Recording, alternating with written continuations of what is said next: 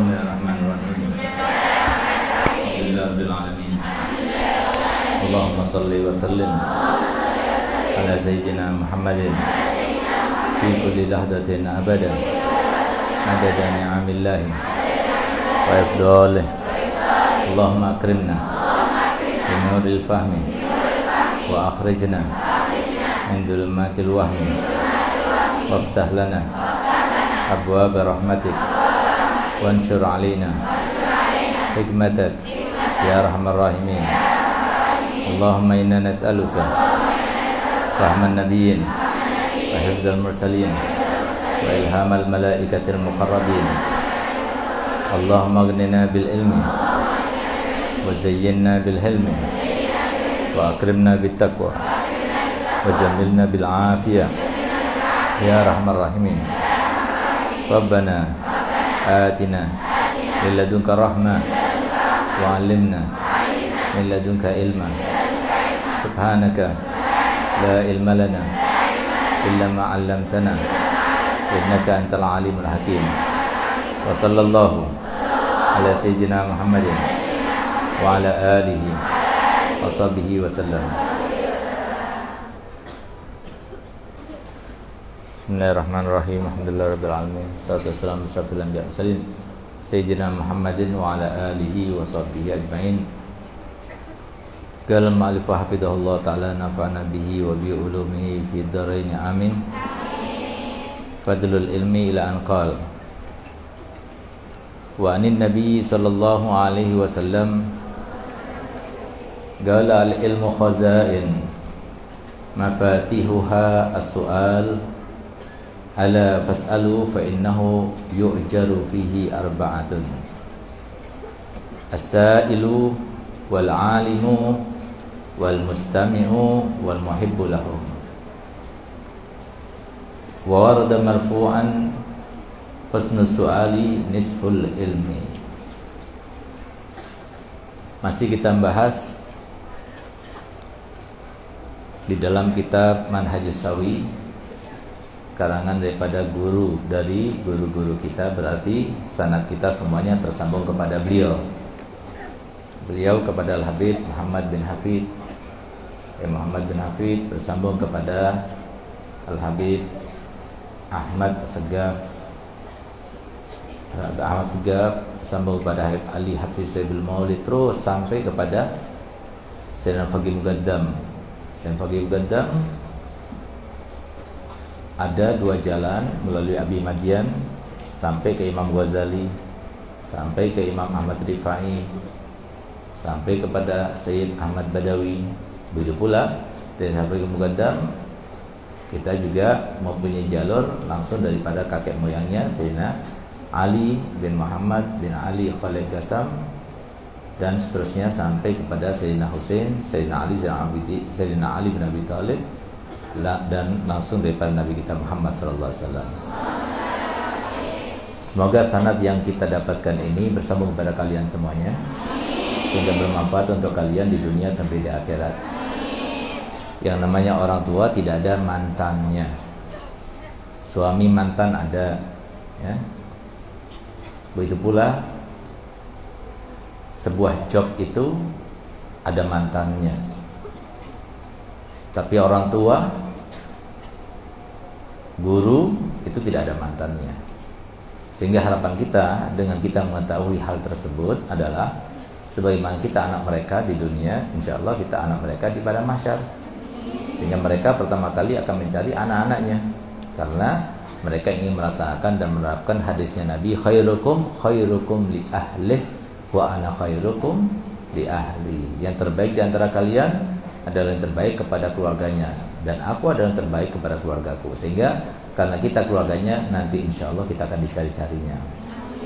Kenapa guru kita katanya Nabi Ali bin Hasan Atos dalam kitab Atiyatul Haniyah hendaknya kita itu mencari seorang guru dari kalangan habaib dari zuriyah Nabi. Kenapa demikian? Ah, supaya kita menjadi anaknya. Sebabnya Imam Nawawi mengatakan aku tidak punya anak nasaban tapi nisbatan punya. Secara nasab aku nggak punya anak karena Imam Nawawi tidak kah tidak kawin. Sayyidatuna Maryam nggak kawin bisa punya anak, iya. Tapi kalau laki-laki nggak kawin, punya anak dari mana keluarnya? Nah, oleh karenanya Imam Nawawi mengatakan walaupun aku tidak punya anak secara nasab, tapi aku punya anak secara nisbah ilmiah, muridnya itu banyak. Termasuk muridnya siapa? Ya kita, karena kita sambung kepada Imam Nawawi, insya Allah. Nah, jadi itu keutamaan kita itu belajar kepada guru yang bersanat, yang bersambung sanatnya. Itu yang kita cari ya, bukan sembarang ilmu. Karena ilmu yang kita pelajari ini bukan kita mempelajari ilmu yang di kitab-kitab itu. Ingat kitab-kitab itu hanya proses. Tapi ilmu yang kita pelajari yang bersana kepada Nabi Shallallahu Alaihi Wasallam itu adalah ilmu yang disebutkan dalam Al-Quran wattaqullah wa yu'allimukumullah bertakwalah kalian semuanya kepada Allah maka niscaya Allah akan memberikan ilmu. Ilmu itulah yang didapatkan oleh kebanyakan guru-guru kita itu adalah seperti itu ilmunya. Mereka dapatkan ilmu tersebut melalui bertakwa kepada Allah.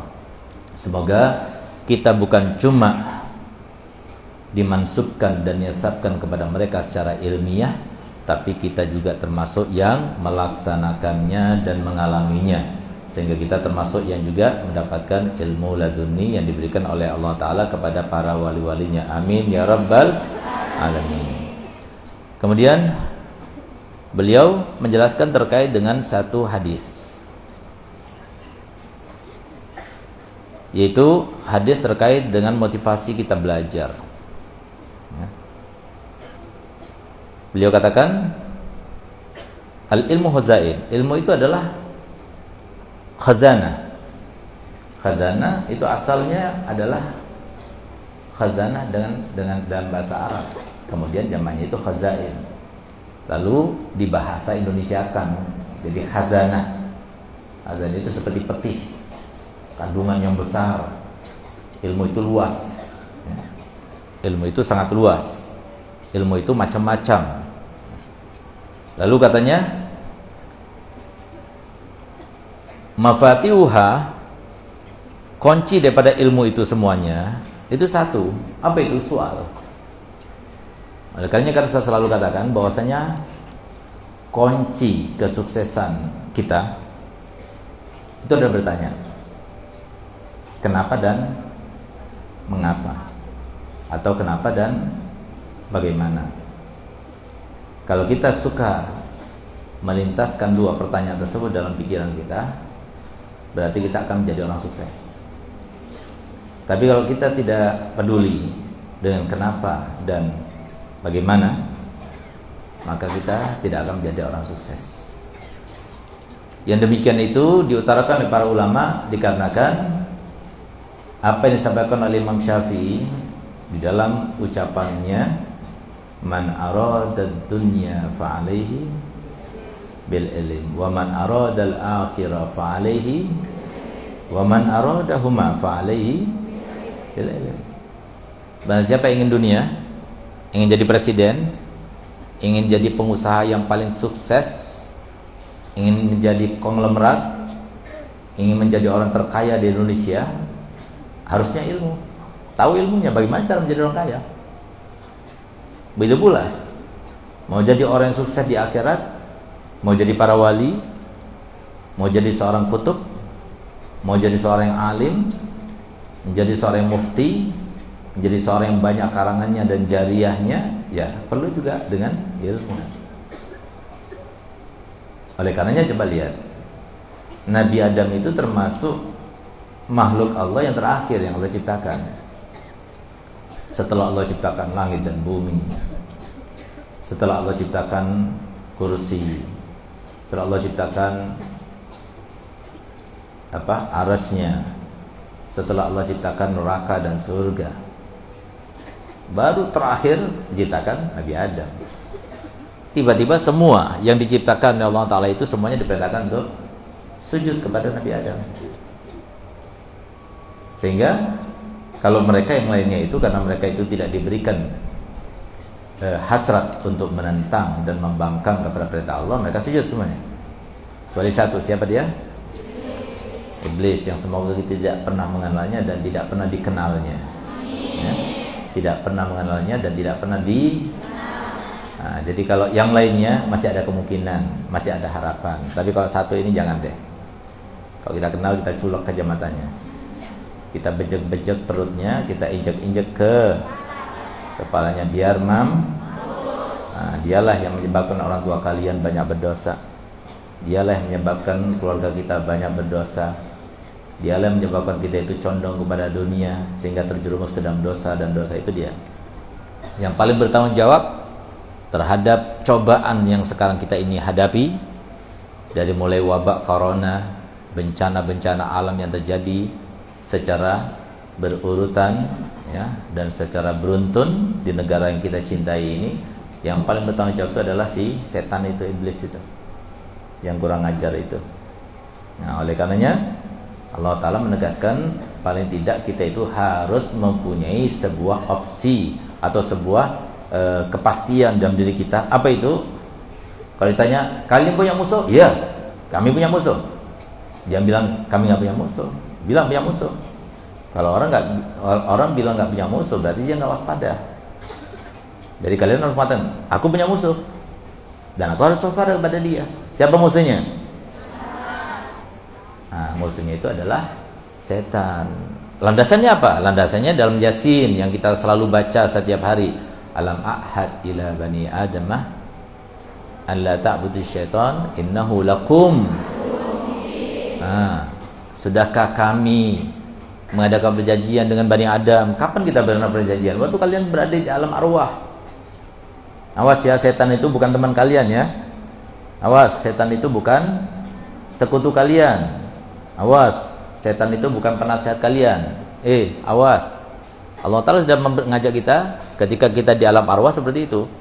Setan itu bukan sesuatu seorang yang bisa memberi atau makhluk yang bisa memberi nasihat kepada kita. Innahu lakum. Jadi setan itu adalah musuh yang sangat besar, yang sangat agung, yang sangat jelas. Nah, jadi kalau ditanya, kalian punya musuh? Siapa? Pemerintah? Enggak, pemerintah adalah saudara kita. Pemerintah payung kita. Pejabat? Pejabat saudara kita, dia telah mengayomi kita dan mengurusi kita. Ulama apalagi? Em ulama itu adalah guru kita. Ya kan? Siapa? Itu yang menyakiti hati kita itu. Yang melukai perasaan kita itu. Yang nuding-nuding itu.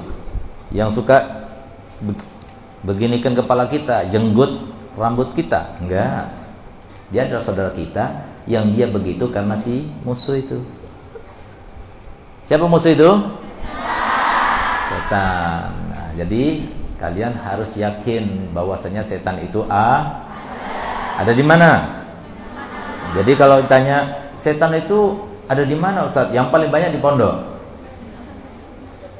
Kenapa? Ah, karena setan tahu, setan itu bukan makhluk yang bodoh, makhluk yang pintar. Jadi setan itu ya dia itu sangat tahu bahwasanya kalian itu adalah manusia-manusia yang paling dibenci oleh setan. Kurang ngajar ngapain masuk pondok? Nanti pulang-pulang ngasih nasihat sama keluarga. Nanti pulang-pulang bikin tobat keluarga. Nanti pulang-pulang akhirnya mereka itu belajar dari dia. Akhirnya mereka itu berubah, tidak menjadi pengikutku. Sebelum dia jadi ustazah, sebelum dia jadi daiyah, sebelum dia jadi waliyah, sebelum dia, dia jadi taqiyah sebelum dia jadi abidah aku akan jelmuskan dia tapi alhamdulillah wa syukru berkatnya corona setannya pusing kelimpung nah, kenapa alhamdulillah murid baru semuanya ber nggak ada unsur nggak ada selah nggak ada jalan setan mau bikin mereka nggak betah kenapa mau manja sama siapa Mau ngadu sama siapa? Orang tuanya nggak boleh ketemu. Gara-gara corona. Jadi corona itu kadang-kadang sahabat kita ya. Nah, tapi dalam hal penyakit nggak boleh bersahabat. Hai corona, terima kasih. Telah banyak menyelamatkan umat manusia. Tapi jangan mendekat kepadaku. Karena aku ini, kami ini adalah bakal penerus perjuangan Nabi Muhammad dan tolong kalian datang kepada mereka-mereka yang bermaksiat supaya mereka sadar. Saudara-saudara kita yang bermaksiat supaya mereka sadar dan kembali ke jalan yang benar. Tolong sekali lagi, jangan datangi para ulama, jangan datangi para ustadz, jangan datangi juga para santri dan santriwati. Karena satu mereka belum kawin, yang kedua mereka itu juga akan meneruskan perjuangan Nabi Muhammad SAW. Dan kita minta kepada Allah Taala kalau sudah banyak tobat, insya Allah sudah banyak tobat corona. Ya, Ustaz bilang yang di sana coronanya sini tidak ada insya Allah. Ya jadi cepat-cepat nyingkirlah kita nggak mau mengatakan mampus lo nggak gitu tapi lebih baik sudah pindah aja ke alam yang lainnya biar kita itu seperti sedia kala. Insya Allah para wali santri, para santri dan santriwati semuanya sudah sadar insya Allah tempat satu-satunya yang menyelamatkan mereka yang akan membahagiakan mereka adalah pondok pesantren. Camkan baik-baik ya kata-kata Ustaz ya. Nah, Ustaz bakal meninggal, kalian juga bakal meninggal, nggak tahu siapa duluan, ya. Kalau seumpama harus ada yang duluan, ya mungkin duluan kalian aja gitu ya. Sekalian belum kawin jadi nggak tahu rasanya kawin, bakal mati duluan nanti di surga. Nah, Ustaz kan sudah merasakan gitu ya. Dan Ustaz lebih manfaat kali ya. Iya apa enggak? Nah, baguslah. Walaupun niat di hati ya. Nah, jadi bagus. Semoga kalian semua panjang umur. Ustaz juga panjang umur semua para ulama panjang umur yang tidak baik pendek umur setelah tidak mau tobat kalau mau tobat jangan pendek umur kesian ya, insya Allah panjang umur sehat walafiat. Kalau panjang umur stroke nauzubillah.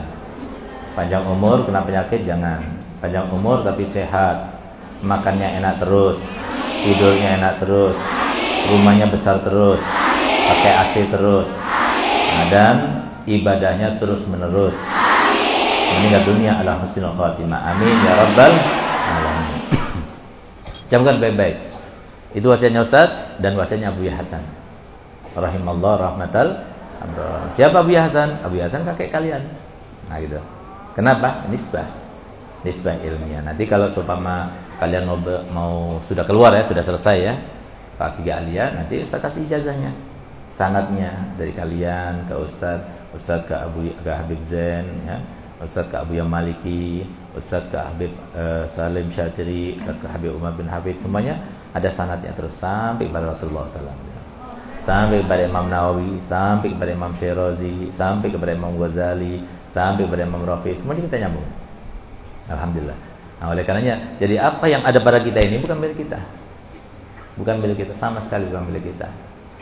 Dan Ustaz pastikan itu kepada diri Ustaz dengan Ustaz selalu mengatakan di mukaddimah khutbah Ustaz subhanaka la ilma lana illa. Nah kita nggak punya apa-apa. Jadi jangan sok merasa kita wah karena saya bertobat nggak ada. Kita nggak punya apa-apa. Yang punya hidayah hanya Allah. Ustaz cuma doakan kalian. Itu yang bisa Ustaz lakukan. Dari hati Ustaz katakan wallahi ladhim Ustaz cinta pada kalian semuanya. Tapi cinta seorang guru kepada muridnya. Yang melihat zaman sekarang ini yang Ustaz tahu bagaimana zaman sekarang ini Ustaz kepikiran kepada kalian bagaimana nanti kalian setelah menjadi istri daripada seorang suami di zaman seperti sekarang ini bagaimana nantinya kalian menjadi seorang ibu dari anak-anak di zaman seperti sekarang ini? Bagaimana nantinya kalian menjadi seorang nenek dari anak cucu di zaman seperti sekarang ini? Sekarang ya per perubahannya itu itu bukan per 25 tahun atau per 50 tahun atau per 10 tahun enggak. Cepat sekali. Cepat sekali karena apa kalau nggak gitu nggak kiamat kiamat jadi memang sengaja dibuat seperti itu. Nah tapi masalahnya kalian ini mampu nggak? Saya nggak mau. Yang di depan aja masuk surga sama, sama Ustadz enggak, enggak mau. Semuanya. Yang di belakang yang tidur yang ngantuk semuanya ikut. Gitu. Nah, itu keinginan guru. Sehingga yang Ustaz bisa usahakan bangun malam walaupun sekejap hanya untuk minta dan nitipkan kalian semua pada Allah. Itu yang kita lakukan. Karena itu yang kita punya, nggak punya apa-apa. Kita mengajar ilmu-ilmu milik Allah, petunjuk juga datang dari Allah. Kita nggak tahu. Oleh karenanya Abu Hasan berpesan ya kepada anak-anaknya Abu Ya. Kalau kalian punya ilmu, berarti kalian punya segala-galanya. Camkan baik-baik ya. Tahu kan segala-galanya? Terkait dengan apa segala-galanya itu? Terkait dengan harapan kita dan harapan seluruh manusia. Baik itu kebahagiaannya, keamanan dan kesejahteraan serta kesentasaannya, kesehatan dan umur panjangnya yang menjadi setiap harapan setiap manusianya itu segala-galanya itu seperti itu. Jadi kembali lagi pada sumber tadi yang dikatakan oleh Imam Syafi'i tadi. Siapa yang ingin sehat badannya, fa'alaihi bil ilm. Siapa yang ingin jadi presiden, fa'alaihi bil ilm. Siapa yang ingin jadi anggota legislatif, fa'alaihi bil ilm. Semua yang pada ilmu. Nah, jadi kuncinya ilmu. Orang kaya itu kuncinya ilmu. Nah, kalau mau jadi orang kaya, belajar sama orang kaya. Mau jadi pejabat, belajar sama para pejabat. Karena mereka punya pengalaman. Pengalaman itu salah satu daripada unsur ilmu. Ilmu itu diperoleh dengan empat hal kan? Apa itu? Intuisi, apalagi? Ya? Harus tahu itu anak-anak mahasiswi. Apa lagi? Apa bahasa kerennya? Eh, apa? Pengalaman. Eksperimen. Apalagi? Sumber data PMA ya. Dan termasuk adalah Al-Quran dan hadis Nabi Muhammad SAW. Itu adalah sumber ilmu. Nah, jadi harus kita pelajari itu. Mau jadi solihah tanpa belajar? Mana mungkin. Karena kalian itu walaisal mar'u yuladu walaisa akul ilmi kaman huwa jahilu. Jadi ada orang dilahirkan langsung bisa baca Quran gitu. Ada? Nggak ada. Belajar dulu, baru bisa. Belajar dulu, baru pintar. Belajar dulu, baru dapat gelar. Semua seperti itu, bertahap. Jangan mimpi, ya. Kalian itu masih di dunia, bukan di surga, ya. Jangan berhayal. Jangan berangan-angan, karena Nabi SAW bersabda, Al-kaisu mandana nafsahu wa amila lima ba'dal maut. Itu maksimal. Mandana nafsahu, apa artinya dana nafsahu? Jadi selalu menghitung-hitung, evaluasi dirinya dan tidak melakukan sesuatu kecuali identik dengan akhiratnya berarti maksimal kalau kita memikirkan dunia berarti dunia itu kan cuma 70 tahun 60 tahun sampai 70 tahun yang lebih dari itu sedikit kita harus siap gitu ya nah kemudian kalau akhirat satu harinya akhirat seperti seribu tahun di dunia kalau kita mempersiapkan diri untuk akhirat berarti kita maksimal Kenapa? Karena kita mempersiapkan untuk kehidupan yang sesungguhnya selama-lamanya. Jadi se sebetulnya kalian harus paham bahwasanya kita ini sekarang ini berada di dalam ranah atau dalam keadaan yang sangat-sangat menakutkan. Kalau kita tidak betul-betul, kita akan tergelincir. Kalau tergelincir, selamanya kita tergelincir. Alhamdulillah. Oleh karenanya, nikmat yang Allah berikan kepada kalian berupa mau belajar di pondok itu dan mau betah di pondok itu luar biasa. Mau diganti dengan apa? Walaupun misalnya kalian setahun nggak dapat uang sangu atau uang saku, ya nggak rugi. Misalnya, apalagi dapat itu, gitu loh. Dan nggak rugi. Nikmat yang luar biasa. Apa katanya Abu ya? Orang yang mempunyai ilmu berarti dia itu mempunyai segala-galanya. Kita lihat. Siapa orang yang paling sejahtera? Jawabannya adalah di antara mereka yang berhak mendapatkan sejahtera orang kaya, para pejabat, anggota legislatif, para tokoh masyarakat, mereka elemen-elemen yang dimuliakan oleh masyarakat, ya. Dan termasuk di antara mereka adalah para ulama. Selain ulama pasti sifatnya itu tempori. Apa artinya tempori? Sementara. Presiden sekarang jadi orang nomor satu di Indonesia Bapak Jokowi. Ya kan?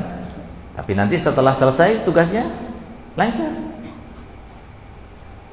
Di Amerika Serikat jadi katakan negara adi apa? Didaya, dikuasa sebagainya, ya kan? Super power.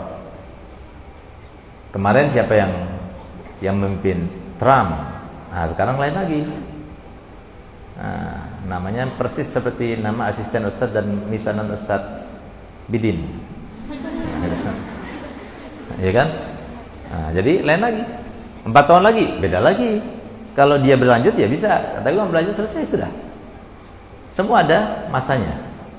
Tapi ulama tambah tua tambah mulia, tambah tua tambah mulia, terus sampai puncaknya ketika meninggal dunia yang paling banyak mengantar jenazahnya mereka. Sampai nggak peduli mau kena corona nggak kena corona, tetap mereka berkumpul karena ingin mendapatkan keberkahannya. Kita lihat tuh, seperti wafatnya almarhum al-Mafurla al-Habib Ali bin Abdurrahman Asgar. Nah, itu beliau lihat bagaimana yang mengantar ribuan, puluhan ribu, bahkan ratusan ribu yang mengantar. Nggak peduli lagi dengan corona dan sebagainya. Bukan mereka itu mau mau apa e, bunuh diri tidak, tapi karena ingin mendapatkan keberkahan daripada seorang alim. Coba kalau pejabat yang meninggal nggak peduli, ada corona nggak ada corona gitu, nggak bakal. Nah itu puncaknya. Kalian berada di dalam jalan itu. Tinggal kalian harus paham jalan menuju kepada tujuan kalian itu finish ya. Itu dipenuhi oleh setan jumlahnya itu bukan puluhan. Bukan ratusan, bahkan bukan ribuan tapi jutaan. Selamat satu ada satu lagi, selamat satu ada satu lagi dan dia tidak pernah istirahat. Nggak pernah istirahat untuk merealisasikan apa yang diinginkan oleh bosnya super powernya, super bossnya, king boss. Nah, siapa dia? Ib iblis. La awiyannahum ajmain. Aku akan jerumuskan mereka semuanya dan tidak akan aku biarkan mereka satu pun melaksanakan satu kebaikan pun tidak akan aku biarkan. Jahat apa tidak? Bengis apa tidak? Itu mereka, itu iblis. Jangan jadikan teman. Jadikan teman. Jadi kalian harus paham jauh sebelumnya 1400 tahun yang lalu Nabi SAW itu sudah menggambarkan. Nabi SAW itu sudah menggambarkan. Camkan baik-baik ya. Nabi SAW itu sudah menggambarkan. Rumah di akhirat itu kan cuma ada dua. Rumah di akhirat itu kan cuma ada dua. Ada surga ada kalau suruh pilih pilih yang mana? Semua maunya surga kan? Nah, kata Nabi SAW huffatil jannatu bil makari wa khuffatin naru bisyahawat. Ya namanya surga itu dikelilingi dengan tidak enak tidak enak. Kau masuk surga ya harus melalui ini. Nggak ada orang masuk surga pas enak-enakan gitu. Mana ada? Yang enak-enak itu masuk neraka. Nah makanya kalau enak harus curiga. Kalau nggak enak harus bersyukur. Nah, tapi filsafat hidup kita kan kebalik sekarang. Kalau nggak enak harus curiga. Kalau enak, ah itu baru kehidupan. Jangan. Kalau di dunia, kalau enak harus curiga. Kasih uang. Nah, untuk apa ini? Jangan-jangan ini adalah sebuah sebuah apa? Sebuah sogokan. Jangan-jangan ini adalah sebuah penjerumusan. Nah, gitu. Dan dia adalah orang yang kaya. Dia adalah orang yang punya, tapi nggak punya ilmu. Mau? Nah, ya serah.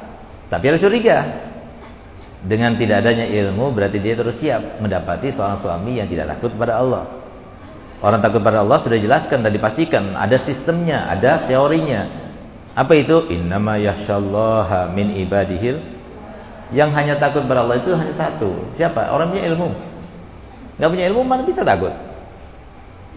Gak bakal takut. Kenapa kalian takut kepada kegelapan? Ayo. Kenapa kalian takut kepada kegelapan? Takut pada kegelapan? Hah? Kalau Ustaz nggak takut Ustaz. Kalian takut pada kegelapan? Hah? Sedikit sedikit. Kalau bangun malam cari-cari orang nggak? Hah? Nah, kenapa?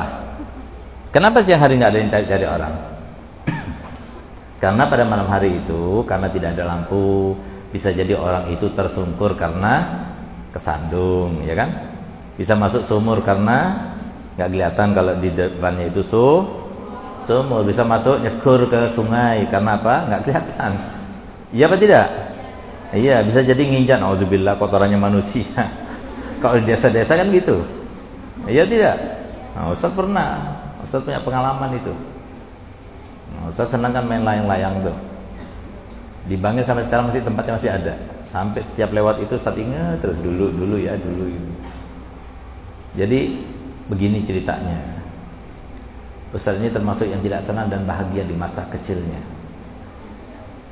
Karena apa? Setiap kali ngejar-ngejar layang yang putus gak pernah dapat. Heran Ustaz, gak pernah dapat. Pernah pakai kayu yang tinggi gak pernah dapat. Pokoknya kalah terus. Sehingga Ustaz cari tempat yang tidak ada saingannya dan lawannya. Masuklah Ustaz ke ada penjual susu di Bangil itu depannya Gabin tuh. Nah, itu tembok yang panjang itu. Nah, itu tempatnya sapi. Tempat sapi dan kotorannya sapi. Saya dilihat situ kok nggak ada yang masuk. Wah asik ini. Masuk saat sendirian di situ. Nah, itu ada layangan putus, saat lari, lari, lari, dus. Nggak ada yang masuk di tempat kotorannya sapi. Akhirnya Ustaz jadi kuning semuanya, coklat semua itu. Tapi alhamdulillah berkat itu jadi-jadi kayak begini sekarang. akhirnya mandinya di mana? Mandi di sungai itu. Pasti ingat tetangga itu minjemi Ustadz sarung sama kaos itu. Gara-gara Ustadz tidak belajar ngejar layang-layang gitu nah, jadi kegelapan kenapa orang takut gelap karena masing-masing orang itu punya trauma gara-gara gak kelihatan akhirnya kesandung gara-gara kelihatan akhirnya kejeduk kepalanya ya kan akhirnya tersungkur, akhirnya kejebur. Ya kan? Nah, itu. Sehingga apa? Kalau gelap langsung takut. Nah, itu kan ilmu. Ilmu yang memberitahukan kalian. Kalian kalau tidak tahu ilmunya, maka kalian tidak akan timbul rasa takut sama sekali. Lebih jelasnya, kita ingatkan pepatah yang sangat terkenal karena kalau sudah ter terkait dengan sayang dan menyayangi, cinta dan mencintai itu kita selalu tanggap. Tapi kalau terkait dengan setan dan syaitoni gitu ya, itu belum terlalu tanggap kita. Tak kenal maka Ya kan? Tak kenal maka tak sayang. Oh, paham semuanya. Tak kenal maka tak sayang. Ah, kenapa itu nggak digunakan? Kalian kenal pada Rasulullah, bagaimana akan sayang? Kenal aja tidak? Bagaimana cara kenal Ustaz? Ya harus mimpi Rasulullah dulu, baru kenal. Mau? Nah, harus kenali dulu bagaimana cara mimpi Nabi. Harus kenali dulu bagaimana cara penerapannya. Harus kenali dulu siapa-siapa orang yang pernah mendapatkannya sehingga kita kenali dulu bagaimana pengalaman mereka. Nah, itu harus kita pelajari. Itu kunci kesuksesan. Makanya kan orang itu sukses itu berawal dan bermuara dari dua pertanyaan, kenapa dan bagaimana. Jadi kalau kalian nggak nggak suka bertanya kenapa dan bagaimana, maka kalian tidak akan menjadi orang sukses. Jadi hadisnya Nabi ini komplek. Jadi bukan cuma spesifik terkait dengan orang-orang seperti kita ini yang belajar ilmu agama saya, tidak, tapi semuanya. Jadi waktu Ustadz kuliah juga seperti itu. Ustadz selalu bertanya, kenapa? Kenapa? Ketika memaparkan sebuah persentase teman-teman kita dan sebagainya, atau ketika pemaparan guru dosen-dosen kami maka kita catat. Apa yang kita tidak paham kita catat. Sehingga satu hari itu Ustadz bisa nulis soal itu sampai puluhan bahkan ratusan. Nah, itu Ustadz karena saking bodohnya Ustadz gitu loh. Kalau kalian kan hampir katakan tidak gitu kan luar biasa kalian. Jadi dulu kalau udah selesai pelajaran itu yang mau tanya itu sama Habib Zain sama guru-guru kita itu ngantri ngantri Sampai kita kesian sehingga apa? Pertanyaan itu dipending di lain waktu kita tanyakan. Nah, tapi Ustadz nunggunya ngantri lama. Mau datang soal itu tanya, visual? Diam semuanya. Visual? Diam semuanya. Sampai Ustadz minum, kalian lihat HP. Ngasih kesempatan gitu loh. Kesempatan. Tapi nggak ada yang menggunakan. Nah, itulah hebatnya kalian yang nggak Ustadz alami itu. Ya. Jadi Ustadz salut kepada kalian. Gitu. Jadi Ustaz dulu sampai setiap hari itu hari ini pertanyaan sekian, pertanyaan sekian Ustaz baca kitab, ada yang bertanyakan Ustaz tanyakan, semuanya ya. Tapi kalian hebat itu loh. Ustaz ngajar itu Ustaz baca ayo, yang nggak ngerti tanya ya. Ngerti semua, terus jalan terus. Wah, Masya Allah. Nah, makanya kata Nabi SAW, al ilmu khazain. Fem, ilmu itu gudang, bukan cuma gudang, gudang-gudang yang besar. Mafatiha, gudang itu kan ada kuncinya kan? Gudang itu ada kuncinya. Ah, kuncinya gudang-gudang itu semuanya cuma satu. Ya, kuncinya gudang itu gudang satu, gudang dua, gudang tiga, gudang sepuluh sampai gudang sejuta itu kuncinya satu. Apa itu? Bertanya. Bertanya.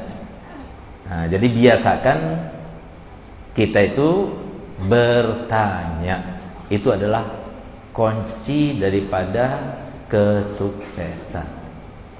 Bertanya. Setiap orang itu pasti ada sifat yang Allah tanamkan di dalam dirinya sehingga dia itu harusnya bertanya.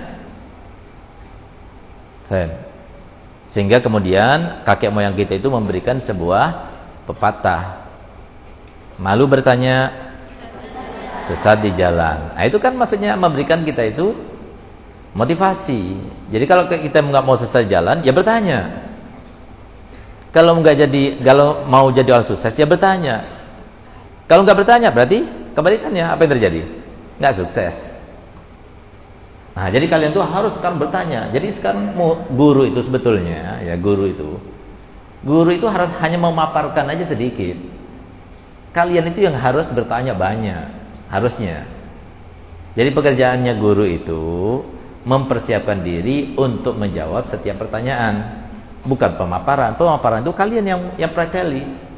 Sehingga usah waktu di Madinah itu baca kitab apa aja, ya itu harus kita merojaah di syarahnya itu paling sedikit ada lima syarah yang kita pelajari kita pelajari nggak ngerti kita pelajari dulu kita pelajari kita pelajari sampai yang kita nggak paham itu kita tulis kita tulis nanti kalau sudah dijelaskan sama gue oh ternyata ini sudah contreng. Ini sudah contreng ini sudah contreng. Yang nggak dijelaskan itu yang kita tanyakan pada guru. Itu teori belajar itu seperti itu. Nah, tapi kalian itu terlalu manja.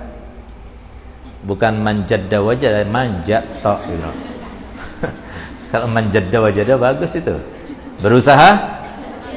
Nah itu mutu kehidupan kita. Bukan cuma di pondok tapi sampai di, di kehidupan yang selanjutnya mau jadi istri solihah manjadda berusaha mau jadi orang berhati bersih manjadda berusaha nah, harus seperti itu Nah, setan mau tahu nggak mungkin orang seperti kamu bisa nggak mungkin. Nah, itu setan itu. Wala tayasu min rahmatillah.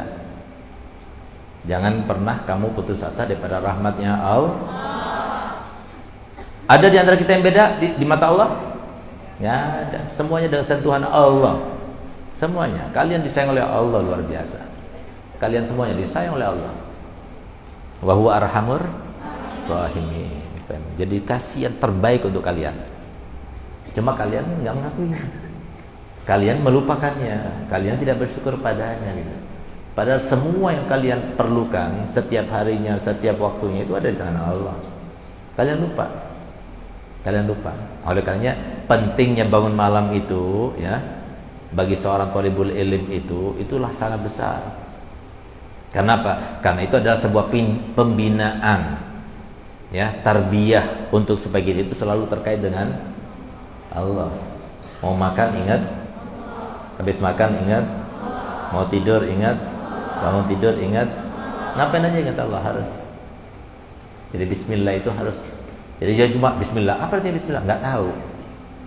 Nah, bukan seperti eh, apa sebagian ajaran daripada suatu agama yang tidak mengajarkan untuk mereka itu mengingat. Ini kalau di ajaran Islam itu diajarkan untuk kita mengingat Allah dan Nabi Muhammad. Allah Nabi Muhammad. Allah sang pencipta, Nabi Muhammad yang mengingatkan kita kepada sang pencipta.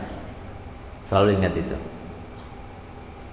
Nah, jadi harusnya kalian tuh koreksi diri, evaluasi. Apa sih masuk kehidupan kita? Untuk apa kita hidup? Nah, itu e, pertanyaan awal daripada kesuksesan. Untuk apa kalian hidup? Untuk makan supaya badannya gemuk? Untuk main-main? Untuk apa? Semua ada batasannya. Main-main ada batasnya. Dia semua ada batasnya, semua ada akhirnya. Tapi ada sebuah pencapaian yang kita harus capai. Apa itu? Itu harus kalian cari. Kalau kalian nggak cari, akhirnya kalian itu selalu mengikuti hawa nafsu. Jadi istri nggak senang marah-marah. Bukan itu. Suami itu dijadikan alat oleh Allah Taala untuk menguji kamu. Orang tua itu dijadikan oleh Allah Ta'ala alat untuk menguji kamu. Semuanya kalian sasarannya. Jangan, jangan lihat mereka, lihatnya Allah. Allah yang menggerakkan mereka semuanya.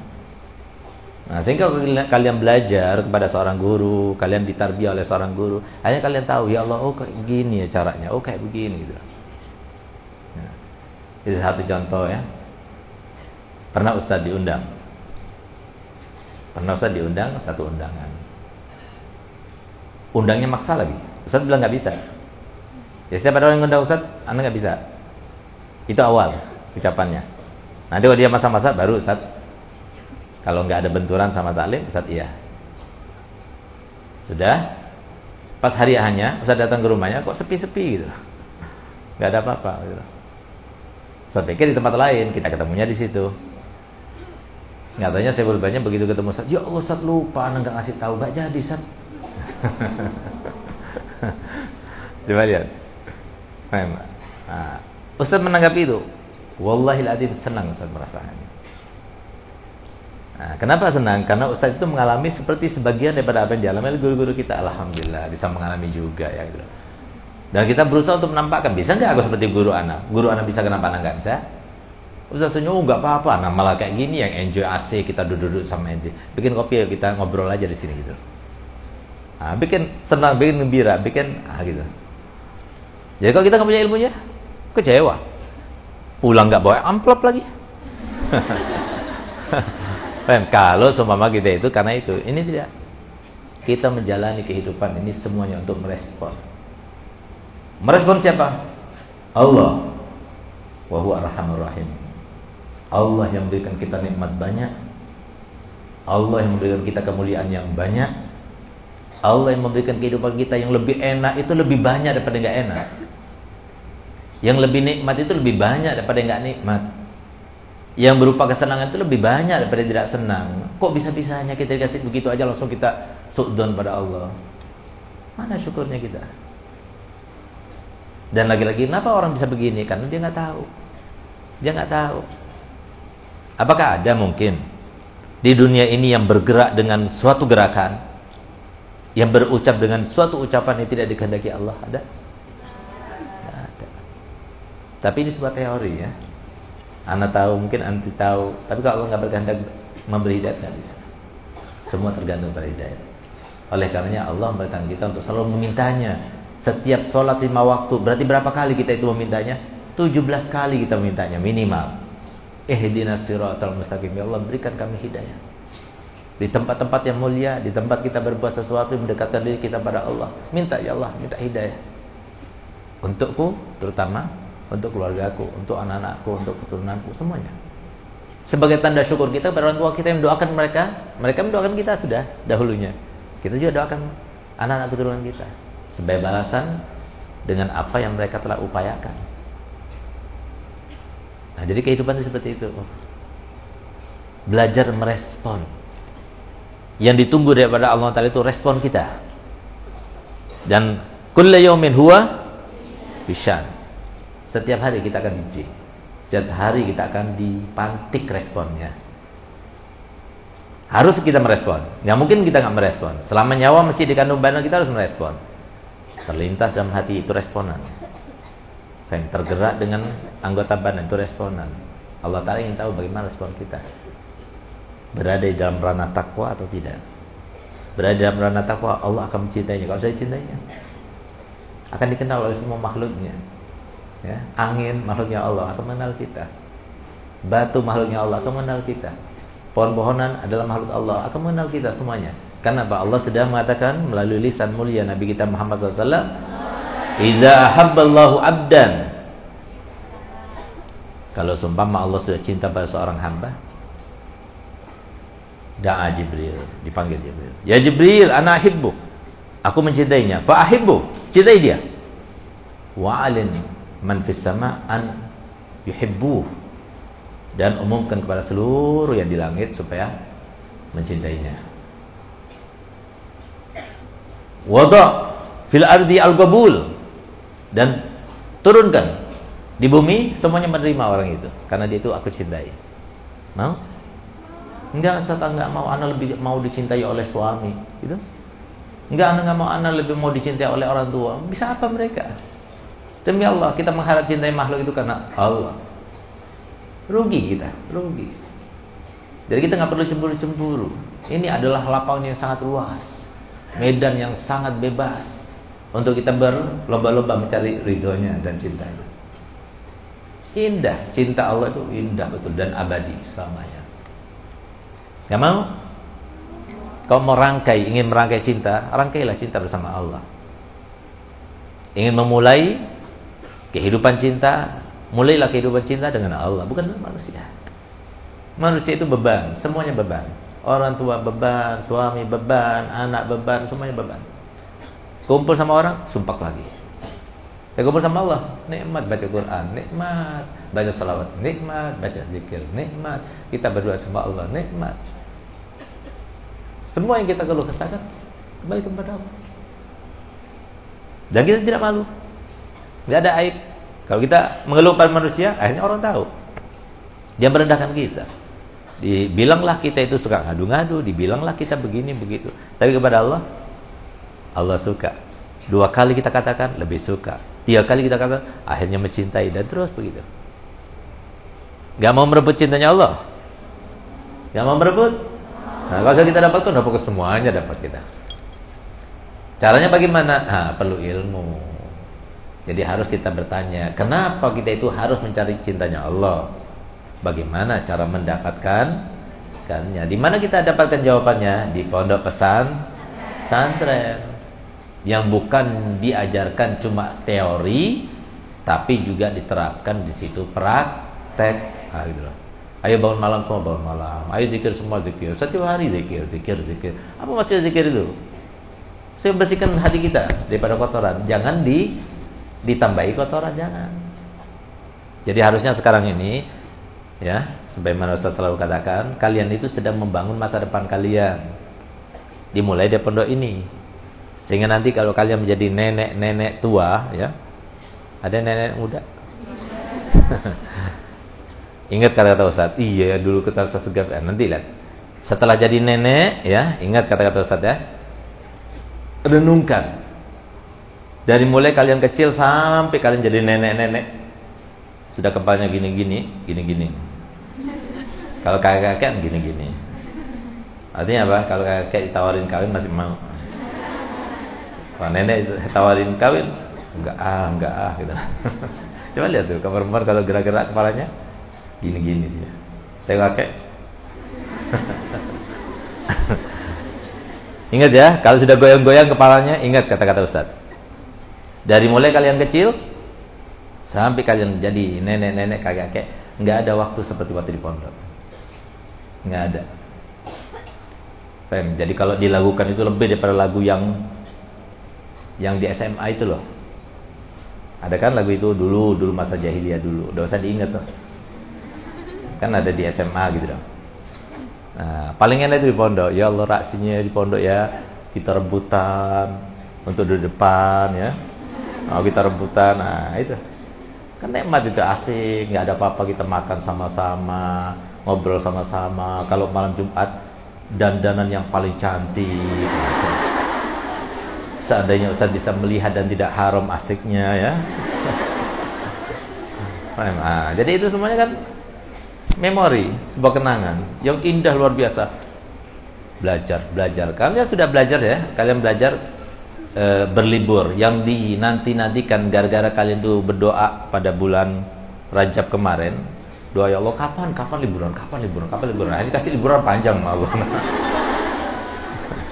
jangan doa lagi ya. Jangan doa biar nggak lebih panjang lagi itu nanti nah, akhirnya kalian belajar kan enak di rumah enak mana di pondok Wah, rame asik sama-sama, semuanya sama-sama. Lupa yang namanya apa? E, problem di keluarga, problem orang tua, problem di rumah nggak ada. Di sini nggak ada problem.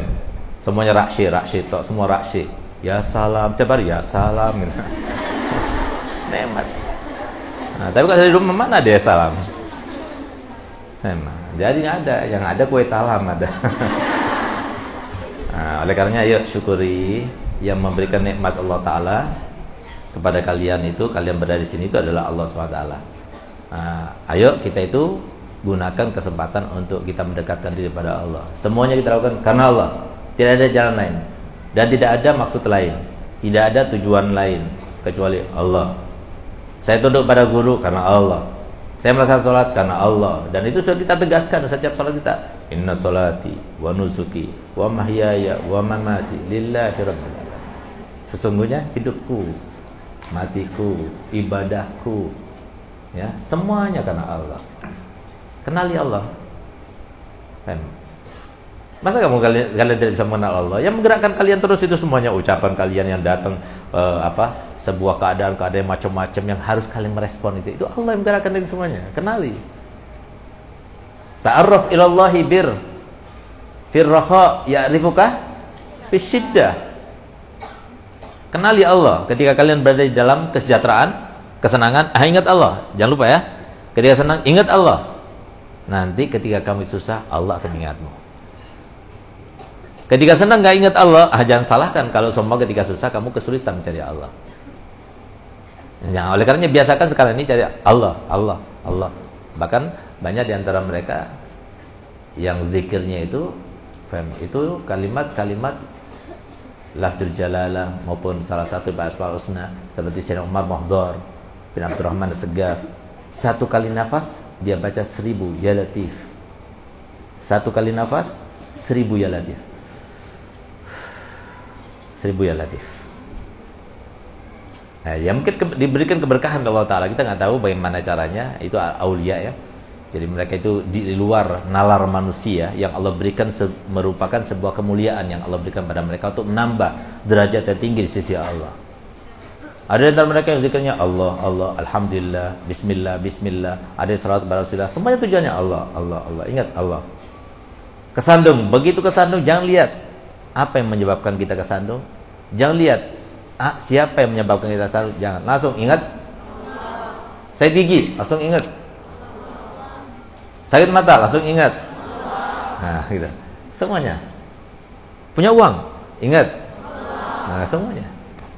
Makan enak, ingat. Nah, jadi seperti itu. Allah yang memberikan semuanya. Nggak ada yang lebih rahmat daripada Allah. Nabi Muhammad itu rahmat yang luar biasa kan pada kita itu satu rahmat Allah turunkan. Hanya satu rahmat Allah turunkan. Dengan rahmat itu yang satu yang diturunkan Allah Ta'ala itu Nabi Muhammad cinta kepada umatnya. Melebihi daripada cinta mereka kepada dirinya sendiri bahkan. Orang tua cinta kepada anak-anaknya. Para suami cinta kepada istrinya Begitu pula sebaliknya. Hanya satu rahmat yang Allah turunkan. Masih ada 99 rahmat sisi Allah. Cari itu. Cari. Ayo kita mau cari semuanya? Semuanya mau? Ayo sekarang semuanya bermujahadah. Siap mujahadah minggu ini? Ya. Mujahadahnya itu ya. Baca Allah, Allah, Allah, Allah, Allah ya. Tanamkan dalam hati kita kalimat itu Allah, Allah, Allah. Jangan cuma di mulut. Ya. Jangan sambil uh, lihat TV Allah Allah Allah. Ya. apa main HP Allah Allah Allah. Ya enggak resapi Allah Allah. Jadi bergerak. Allah gitu. Rem. sedikit seribu kali. Seribu kali itu berapa menit? Ayo coba. Seribu kali. Allah Allah Allah Allah Allah. Berapa kali? Ada setengah jam? Nggak sampai setengah jam. Nggak sampai. Ditambah lagi tulis semuanya. Sebelum tidur ya kita membaca zikir yang kalau kita terus-menerus membacanya dan istiqomah maka kita akan mendapatkan makom muhasabah dan makom muraqabah karena kita selalu akan dipandang atau merasa kita diawasi oleh Allah SWT apa itu? yang pertama adalah Allah ma'i. Tahu kan artinya? Allah Allah bersama siapa? Kalau ditanya Allah bersama siapa? Jawab Allah bersamaku dulu. Jadi supaya kita merasakan nikmatnya. Kalau ditanya Allah bersama siapa? Allah ma'i. Allah nadiri. Allah nadiri. Allah nadiri. Apa artinya? Allah melihatku. Di mana pun kita berada, Allah melihatku. Di saat kita beribadah, Allah melihatku. Dan di saat kita berbuat maksiat, Allah juga melihatku. Di saat kita sedih, Allah melihatku. Di saat kita senang, Allah melihatku. Allah najri. Dan dia sapi. Jangan cuma baca tapi dia sapi. Itu zikir golbi namanya. Yang ketiga, Allah syahidi. Allah menyaksikanku. Penguatan daripada yang sebelumnya. Dan penguatan daripada yang sebelum-sebelumnya. Allah ma'i. Jangan khawatir, Allah bersama kita. Takut sama siapa? Semuanya makhluk Allah. Enggak perlu kita takut pada siapa pun juga. Allah nadir, Allah melihat kita. Allah syahidi. Allah garibun minni. Allah hadiri, Allah hadir bersama aku. Keempat. Keempat. Allah hadiri. Allah hadir bersama aku.